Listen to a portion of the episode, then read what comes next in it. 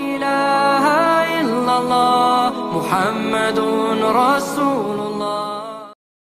السلام عليكم ورحمة الله وبركاته. نحمده ونستعينه ونستغفره ونعوذ بالله من شرور أنفسنا ومن سيئات أعمالنا. sayyiati a'malina. Wassalatu wassalamu ala sayyidil anbiya sayyidil mursalin habibina wa syafi'ina سيدنا محمد صلى الله على آله وأصحابه أجمعين أما بعد Para jemaah sholat tarweh Masjid Universitas Gajah Mada yang dirahmati oleh Allah Subhanahu wa taala. Mari kita panjatkan rasa syukur kepada Allah Subhanahu wa taala tampaknya pandemi segera berlalu. Alhamdulillah. Kita lihat kendaraan berlalu lalang, jalan-jalan sudah mulai macet. Para jamaah sudah mudik dari satu kota ke kota yang lainnya, terutama dari Jakarta ke kota-kota di Jawa dan di luar Jawa. Alhamdulillah. Salawat dan salam mari kita selalu panjatkan kepada junjungan kita Nabi besar Muhammad sallallahu alaihi wasallam. Para jamaah salat tarweh yang dirahmati oleh Allah Subhanahu wa taala. Moderasi di dalam bahasa Arab adalah tawassut. Di dalam bahasa Indonesia Mungkin istilah ini sudah sering dibunyikan oleh penyanyi dangdut Fetty Vera. Sedang-sedang saja. Moderasi atau tawassut tidak bisa berdiri sendiri. Harus berpasangan dengan plurality atau keragaman. Di dalam bahasa Arab disebut ta'addud di dalam bahasa Sanskrit yang sudah resmi diambil dalam bahasa Indonesia adalah kebinekaan atau keragaman atau kepelbagaian atau bermacam-macam atau berbeda-beda. Jadi kalau kita mengatakan diri kita sebagai orang yang moderat, berarti kita juga harus mengakui ada orang lain di luar diri kita. Jika kita mengaku sebagai orang moderat, jamaah kita bukan jamaah satu-satunya, tetapi ada jamaah lain di luar jamaah kita yang keberadaannya.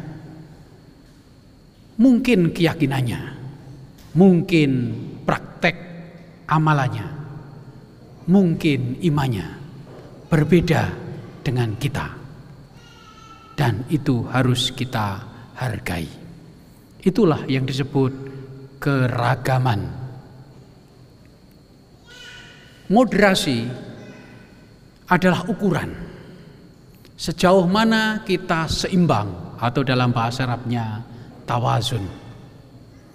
Seimbang tidak terlalu kanan, tidak terlalu kiri, tidak terlalu depan, tidak terlalu belakang,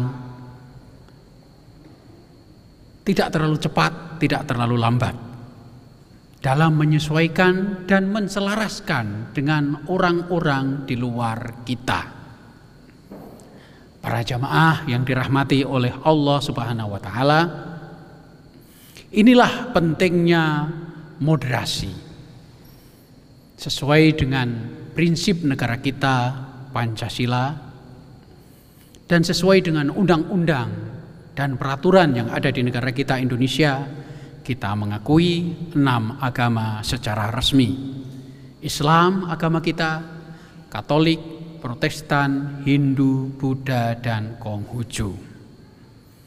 Kita harus mengakui agama lain tidak mengganggu, memberi kebebasan kepada mereka, mempersilahkan mereka beriman dan beribadah menurut ajarannya, sekaligus kita harus berkomitmen untuk melindungi mereka.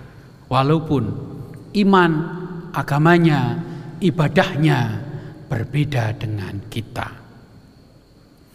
Para jemaah yang dirahmati Allah Subhanahu wa taala.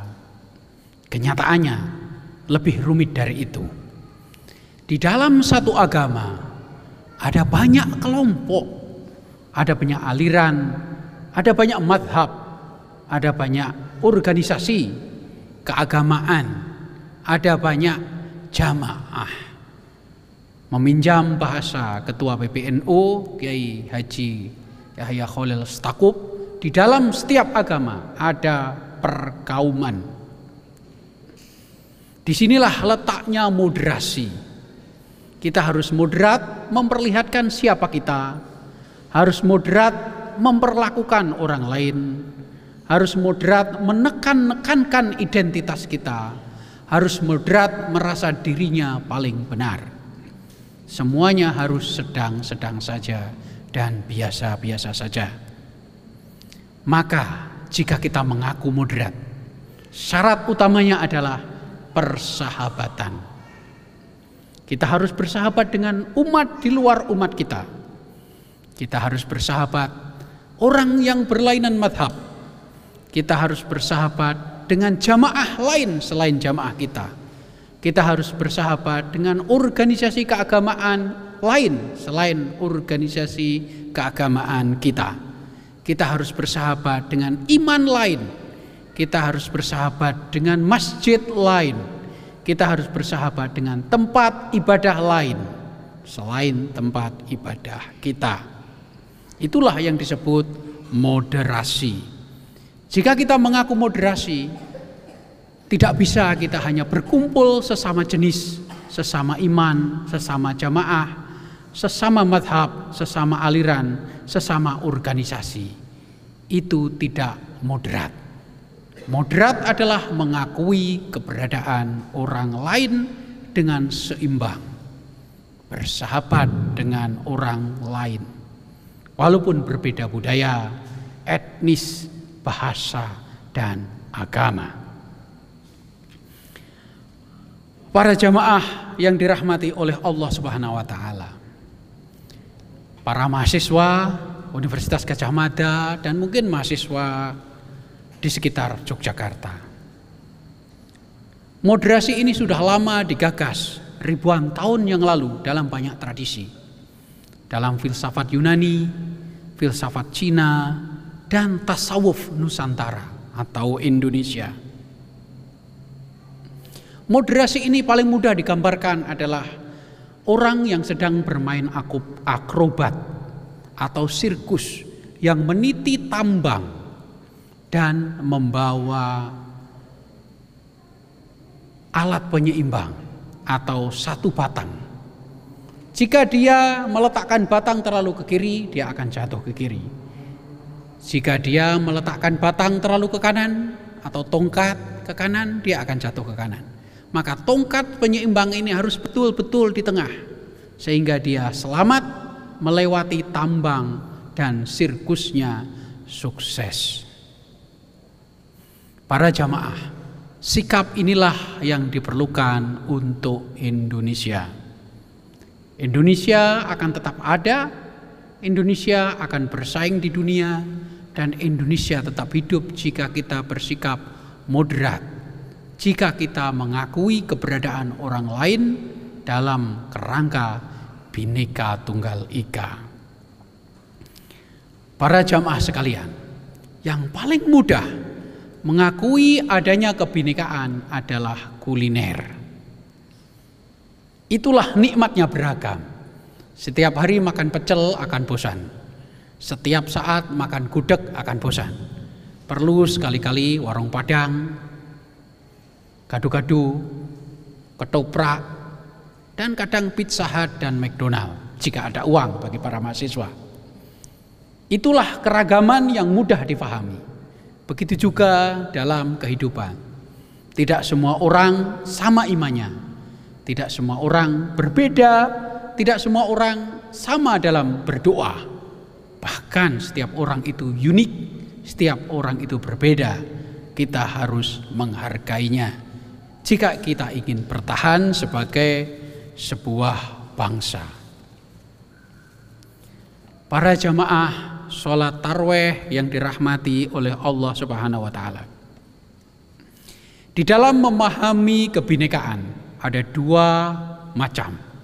Pertama di dalam bahasa Arab disebut tabi'i atau dalam bahasa Inggrisnya natural. Tabi'i ini alam Indonesia penuh dengan keragaman. 17.000 pulau, ribuan pantai, jutaan sungai, miliaran ikan belum reptil, belum binatang-binatang yang lain. Itulah alam Indonesia yang penuh keragaman. Di dalam konsep biologi ada istilah biomimikri. Biomimikri adalah manusia mengikuti keragaman alam. Tidak heran para jamaah dari Aceh sampai Papua, dari Dayak sampai Badak, dari Bugis sampai Sunda, dari Madura sampai Tanah Toraja. Kita menyaksikan keragaman budaya Indonesia mengikuti irama alam semesta, flora dan fauna. Itulah keragaman. Keragaman ini disebut tabi'i atau natural. Etnis, budaya, tradisi, bahasa, dan kuliner. Kita baru sadar hanya pada level kuliner. Warung Padang bebas buka di mana saja. Bubur Manado dinikmati siapa saja tanpa memandang imannya. Pecel lele dinikmati di mana saja, di provinsi apa saja tanpa bertanya imannya. Para jamaah sholat tarweh yang dirahmati oleh Allah. Ada keragaman lain yang disebut inherent. Keragaman ini ada di kita. Berapa jumlah agama, berapa jumlah aliran, berapa jumlah madhab, berapa jumlah universitas, berapa jumlah mahasiswa dengan pilihan yang berbeda-beda. Ini inherent di dalam agama, budaya, organisasi keagamaan, dan kuliner. Saya kira kita perlu promosi keragaman di Indonesia untuk kaum muda dan untuk para pemimpin kita supaya betul-betul memperhatikan bahwa moderasi bukan sejenis, moderasi bukan seiman, moderasi bukan sejamaah, moderasi bukan sealiran dan moderasi bukan satu organisasi. Moderasi adalah keragaman. Para jamaah tarweh yang dirahmati oleh Allah. Kemudian ada dua hal keragaman yang sangat krusial dan sulit kita kendalikan dan sudah kita buktikan kita masih banyak perlu belajar bukan agama, bukan tradisi, bukan budaya, bukan etnis, bukan bahasa. Keragaman itu sudah pasti sering kali kita terima. Dengan beda iman tidak ada masalah. Dengan beda etnis tidak ada masalah. Tetapi ada keragaman yang sangat rawan dan sangat mudah ditumpangi dan cenderung mengantarkan kita pada konflik dan keresahan yaitu keragaman ekonomi dan keragaman politik. Pendapat boleh beda, pendapatan tidak terlalu jauh berbeda. Jika pendapatan berbeda jauh, kita akan saling menggugat dan saling mencurigai.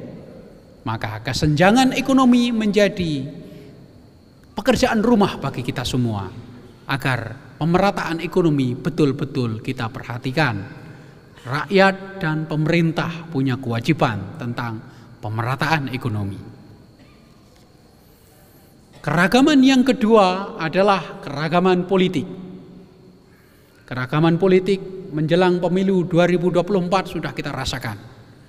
Berbeda pilihan presiden, berbeda calon presiden, berbeda pilihan gubernur, berbeda pilihan partai politik, sangat rawan menjadi konflik dan sangat mudah ditumpangi oleh keragaman inherent, yaitu keragaman agama.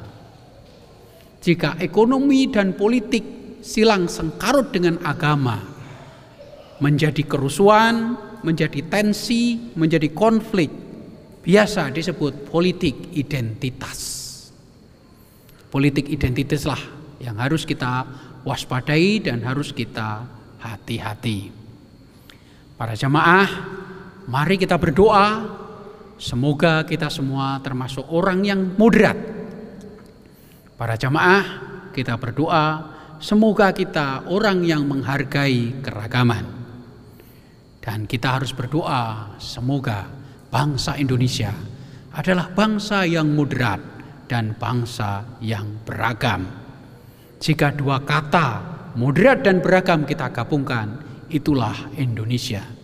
Jika salah satu hilang, entah beragam, entah moderat, tidak ada jaminan Indonesia akan bertahan. Marilah kita berdoa bersama, marilah kita berusaha bersama, marilah kita belajar bersama.